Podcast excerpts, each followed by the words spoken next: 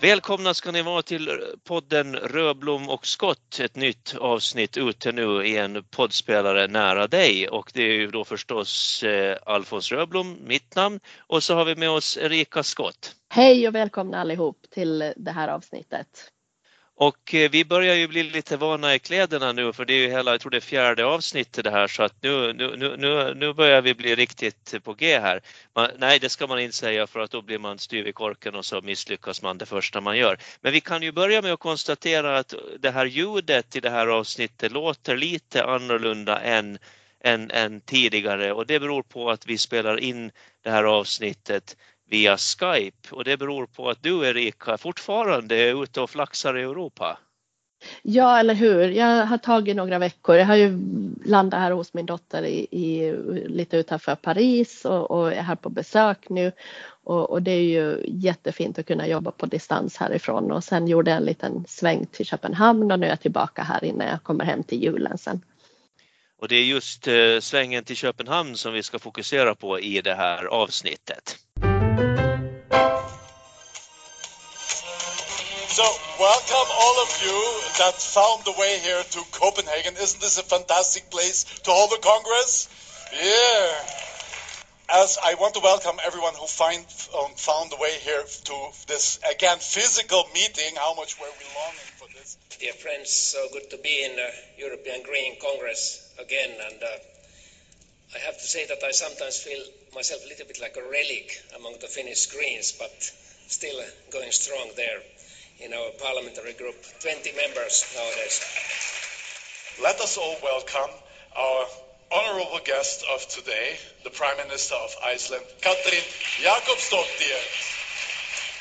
And I think what we are doing in our climate action plan is really taking into account the social dimension, but also sending out a very clear political message. And this is why my government, for example, has decided not to issue any licenses for oil exploration in Iceland's exclusive economic zone.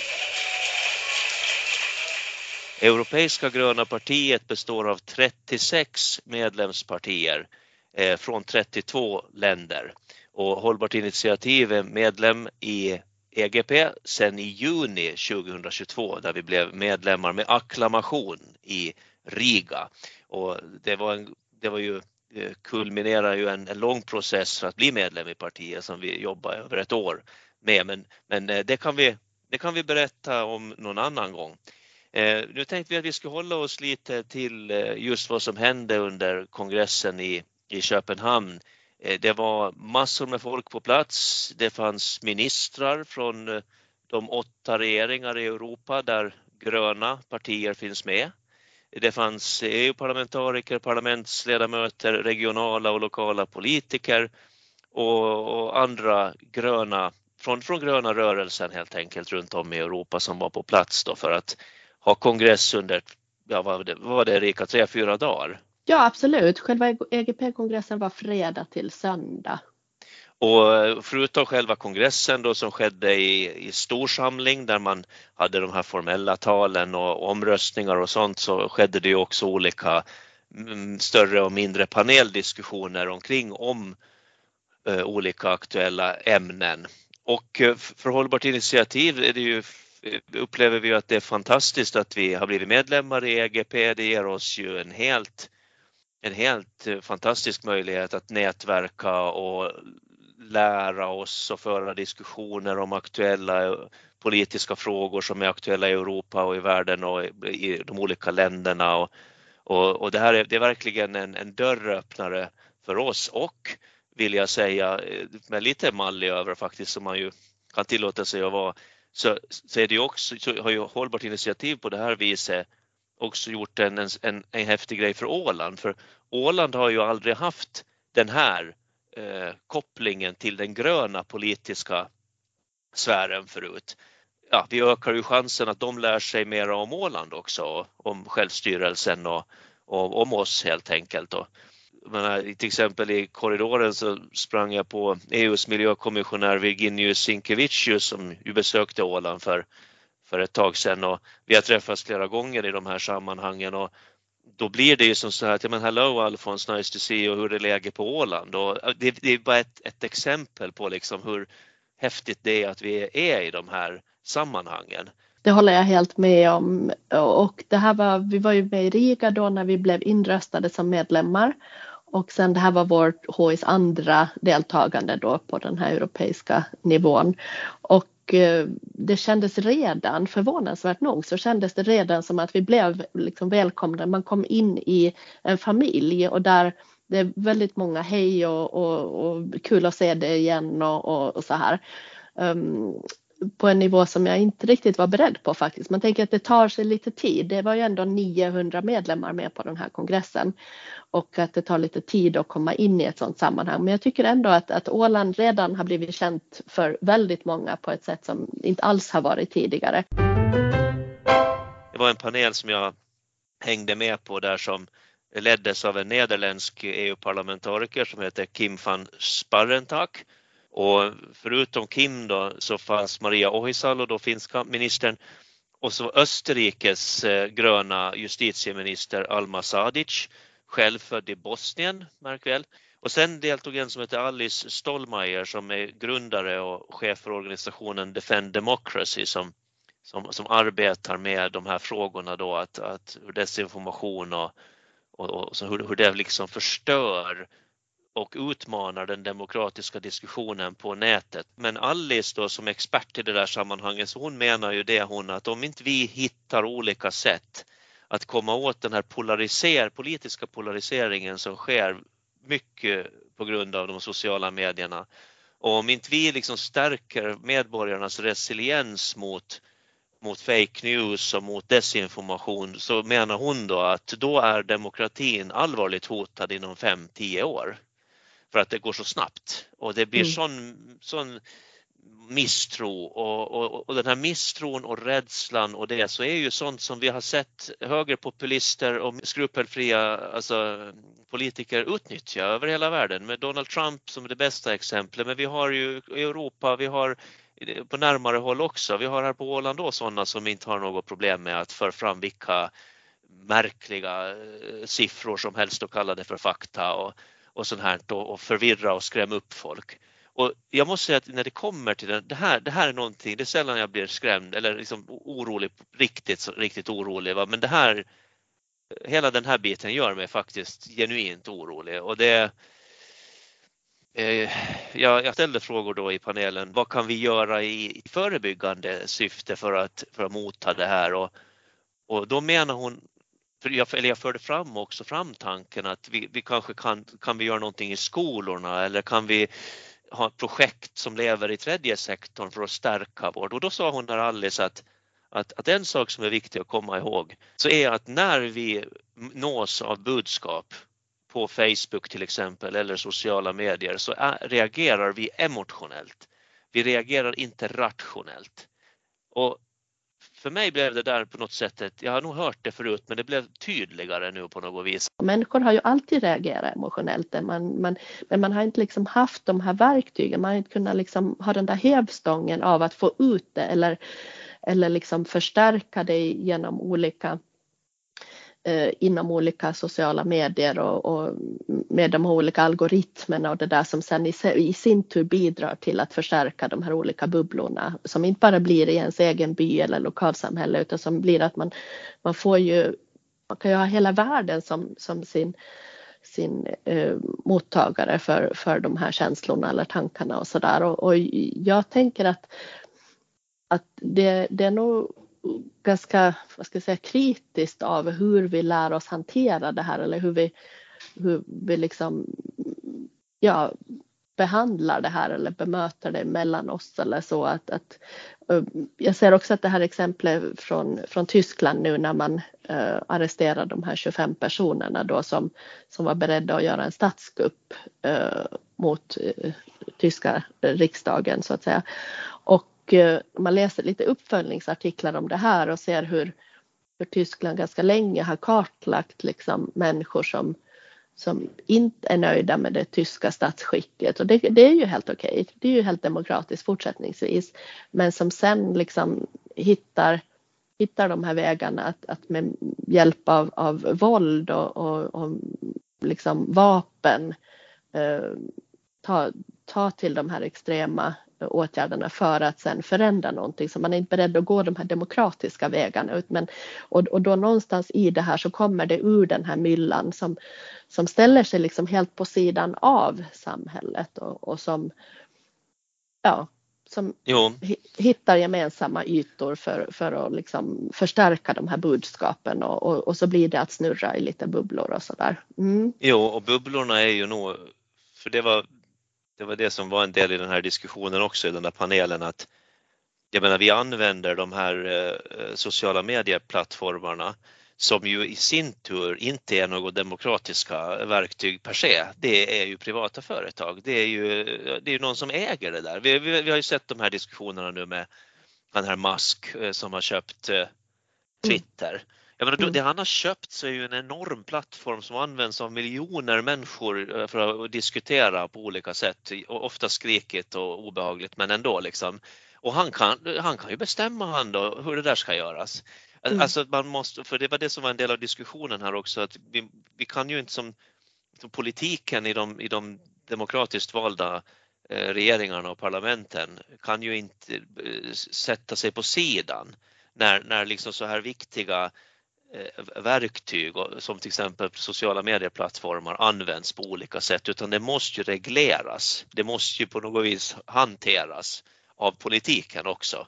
Men hon menar ju det, hon är från Österrike, justitieministern, att Österrike är för litet, även om de inför någon lag som ska påverka Twitter till exempel, så inte bryr ju Twitter sig om det. Det är ju bara ett litet land i Europa. Twitter är ju globalt liksom.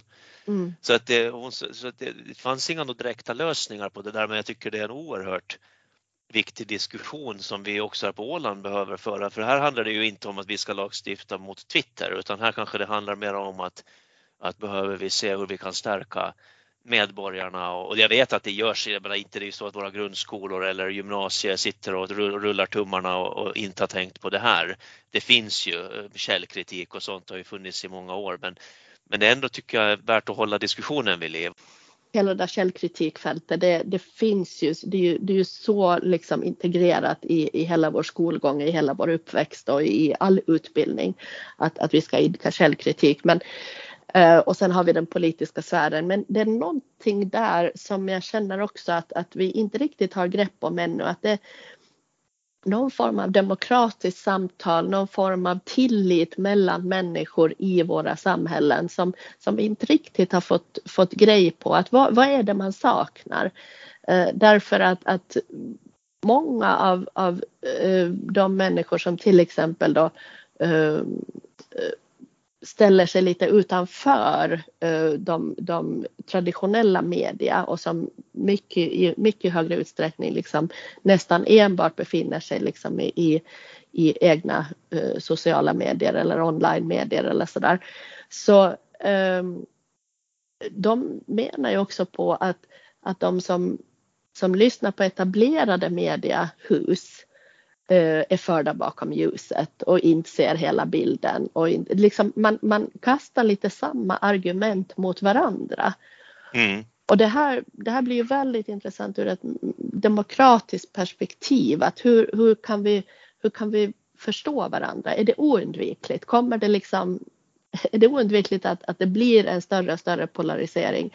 Eller hur kan vi nå varandra? För jag känner att det, det, eh, man, man, blir liksom bara att anklaga varandra och då, då kanske det sker på ett politiskt skikt men det sker ju också liksom bland vanliga medborgare.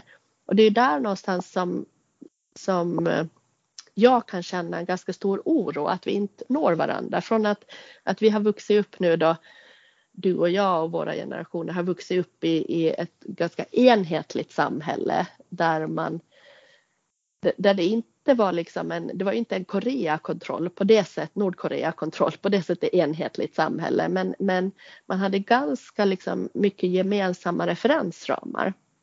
Jo. Och det gjorde att man kunde diskutera olika fenomen och man kunde fortfarande ha olika ståndpunkter och så vidare. Men, men det, blev inte, det blev inte så tydligt kanske att samhället lite håller på att dras isär så som det är nu där man, där man liksom där de här bubblorna och det att man befinner sig på nästan olika sidor om en flod och att man har sen liksom helt olika verklighetsbeskrivningar. Det är bara det att man tycker olika om olika saker men, men det går nästan så långt ibland så att man nästan inte ens beskriver samma verklighet för att, att man, man är, är ja, så inne i olika typer av mediaflöden eller olika berättelser eller så om, om vad som är sant i samhället. Vi, vi kommer att måste återkomma till det här. Jag tror, att, jag tror precis som du att det här är ett, ett helt eget avsnitt eller, för att det, det finns eh, så, så många aspekter i det här. Jag tycker att det var så fint i den här panelen att de, de eh, citerar Maria Reza, alltså den här Nobelpristagaren och, och de sa, och just det som du nämner med att man har olika verklighetsuppfattningar alltså och, och hon här Nobelpristagaren sa ju att utan fakta så har vi ingen sanning och utan sanning har vi ingen tillit. Och har vi in, inget av det så har vi ingen demokrati. Så att fakta, sanning, tillit, demokrati.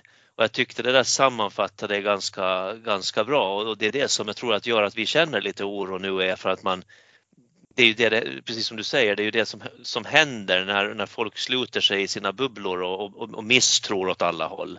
Då, då når vi ju inte varandra och då har vi inte samma verklighetsuppfattning och ja, tillit eller någonting. Liksom.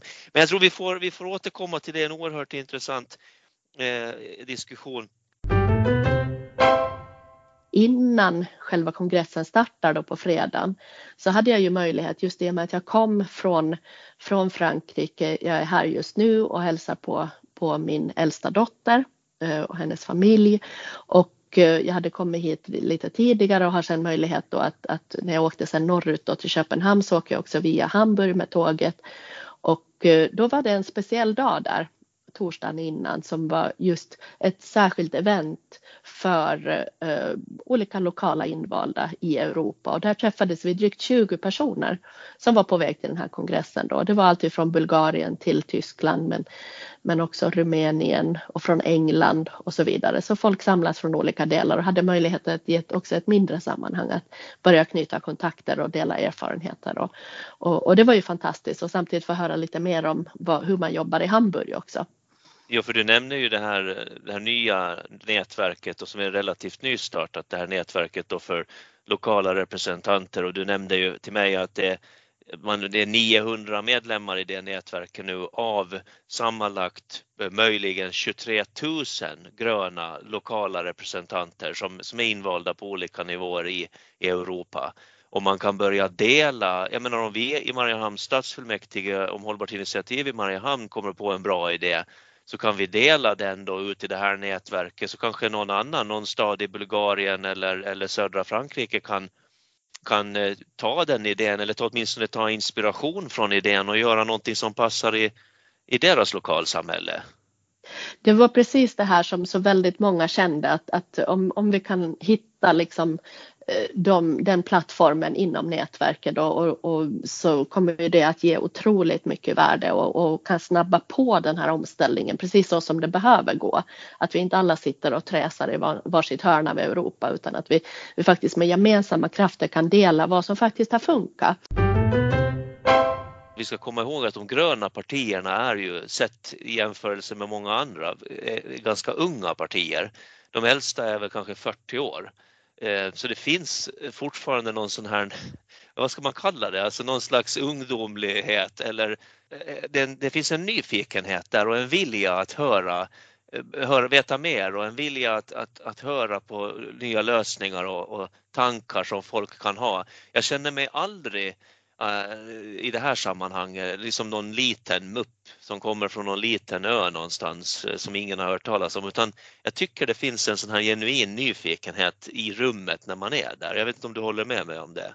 Jag håller helt med om det. Det råkade sig sen på tåget på väg tillbaka så träffas eh, eh, två fransmän sen då ett dygn senare när vi, när vi landar i en, en tågförsening tillsammans på, på en, en liten perrong i Offenburg i Tyskland så, eh, så visar det sig sen att, att menar, de kommer från stora Paris och är van med de här stora franska förhållandena men genast var de ju väldigt intresserade förstås ändå av, av hur vi jobbar och, och vad, vi, vad vi har för utmaningar och sådär också. Så, och, och, det är väl generellt det där, jag menar, är man, är man hållbarhetsintresserad och man känner att vi vi behöver hitta lösningar nu och vi behöver hitta systemlösningar och man, man förstår och man inser det, då är man väl kanske också i sin personlighet kanske lite mera en föregångare. Man är en, en lite vad man kallar då early adopter, så man är beredd att, att liksom se lite nya, nya vägar och nya lösningar. Man är lite mera progressiv. Det är som i Eurovision Song Contest att man hänger mycket med sina grannar men, men vi, det var ju förstås de här kongresserna är också en möjlighet för oss att, att eh, fortsätta träffa våra finska och svenska gröna kollegor också. Det var ju där som vi började fundera. Jag pratade med Per Bolund till exempel om att det skulle vara väldigt kul om vi skulle kunna ordna en sån här, eh, ett, vad ska vi kalla det, ett, ålän, alltså ett svenskt, åländskt, finländskt grönt litet minitoppmöte här på Åland i, i sommar faktiskt. Att vi kanske skulle få hit Per Bolund och Märta Stenevi från Sverige och så skulle Maria Ohisalo komma från, från Finland och så skulle vi och Hållbart initiativ stå som värdar och så skulle vi diskutera ihop oss lite om olika eh, saker då, och dela med oss. Och det tror jag skulle, det var så himla kul att märka att Märta och Per var så spontant eh, väldigt in, alltså positiva till den idén. Där märker vi att Åland och Hållbart initiativ har ju kunnat också vara en bro byggare. Inte så att, att man i Norden inte har pratat med varandra tidigare men just att det återigen att det handlar om de här personliga kontakterna och de här personliga mötena och att, att man kan få en inbjudan av en, eh, en mittenpart så att säga som, som står mitt emellan och, och som kan bjuda in eh, ganska öppet och, och chosefritt. Och det är ju det Åland, alltså det är det som Åland alltid har varit bra på, alltså, mm. får jag känslan av i alla fall, att alltså alla alla som har kommit till Åland inbjudan av vem som helst, alltså om det är statsministrar eller, eller eh, politiker från, alltså Åland det är som att vi är väldigt bra på när folk kommer hit utifrån så att du kommer, och så känner, folk känner sig ju välkomna hit till Åland och folk trivs ju här och det är god mat och det är trevlig natur och allting är nära och det är ganska chosefritt och det är inga några sådana här konstigheter utan man, man ja, så det, det är den känslan jag har fått att folk minns alltid sina besök här som någon, med, med värme och, och det, det, där är ju också historiskt då, med Fredens öar och vi är mitt i Östersjön och vi är mitt i alltihopa. Så det där är ju någonting som vi naturligtvis måste, måste fortsätta använda oss av och verkligen, för här går man ju man ur huset och hjälps åt för att få en gäst att trivas liksom. Och det tycker jag är någonting vi ska se som en enorm styrka det är jättetillgång och det är en väldigt värdefull resurs. Jag håller helt med där och, och just det här åländska värdskapet som, eh, som är oftast, inte alltid, men oftast så håller det ju väldigt hög klass och vi, vi som du säger, går man ur hus eller man verkligen anstränger sig det där lilla extra eller går en liten omväg för att visa någonting eller tar upp egna potatisar och ger till gästerna eller vad som helst. Ja visst, jag nämnde ju EUs miljökommissionär Virginius här och när han kom hit då, eh, sen sommar, eh, var det, när var det, 2021? Var det ett år sedan? Ja. Jo.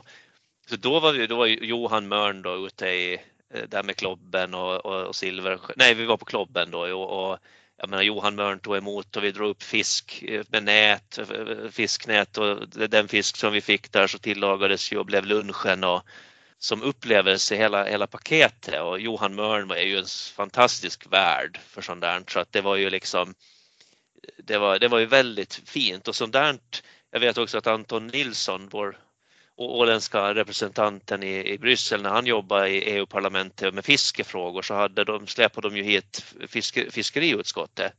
Mm. Eh, och då var det ju flera, han har ju berättat att de var ju väldigt till sig, alltså man kommer från andra delar av Europa och tycker det här är väldigt exotiskt att få komma hit och, och uppleva den här sortens natur och den här sortens matkultur och, och sånt här. Så det, det, det är häftigt. Vi tillåter oss, ja, apropå det här med värdskap och, och ta Europa till Åland, så tillät vi oss att, att drömma lite där en, en liten kort stund om att eventuellt någon gång i framtiden också ordna en, en EGP-kongress på Åland. jo, det, det, jag tycker Alltså jag, jag, älskar, man ska tänka, eh, tänka stort alltså. Så jag menar, siktar man mot stjärnorna så når man ju åtminstone över grantopparna. Och, och, jag tyckte det var fascinerande, lite hisnande tanke vi delade där du och jag. Men tänk om man skulle få EGPs kongress till, till Åland och min, man började tänka, har vi hotellrum tillräckligt? Och, men, men sen kom vi fram till att nog borde vi kunna ordna det där. Att inte var det ju det där kärnfysik i den där lokalen heller, att då borde du ju gå och fixa. Vi kommer eh, att återvända förhoppningsvis ganska snart med ett nytt avsnitt där vi bland annat kommer att eh, göra vårt bästa att komma med tips om eh, hållbara julklappar. Det är ju lite säsong för det nu, eller vad säger du Erika? Ja, men det, julen närmar sig med stormsteg och, och det är ju ett väldigt aktuellt ämne när, när vi liksom gradvis vaknar upp mer och mer till insikten om det överkonsumtionssamhälle som vi lever i. Så, så det har vi alla anledning att återkomma till. Då får vi säga som vi alltid säger och fram tills nästa gång, lev väl! Lev väl!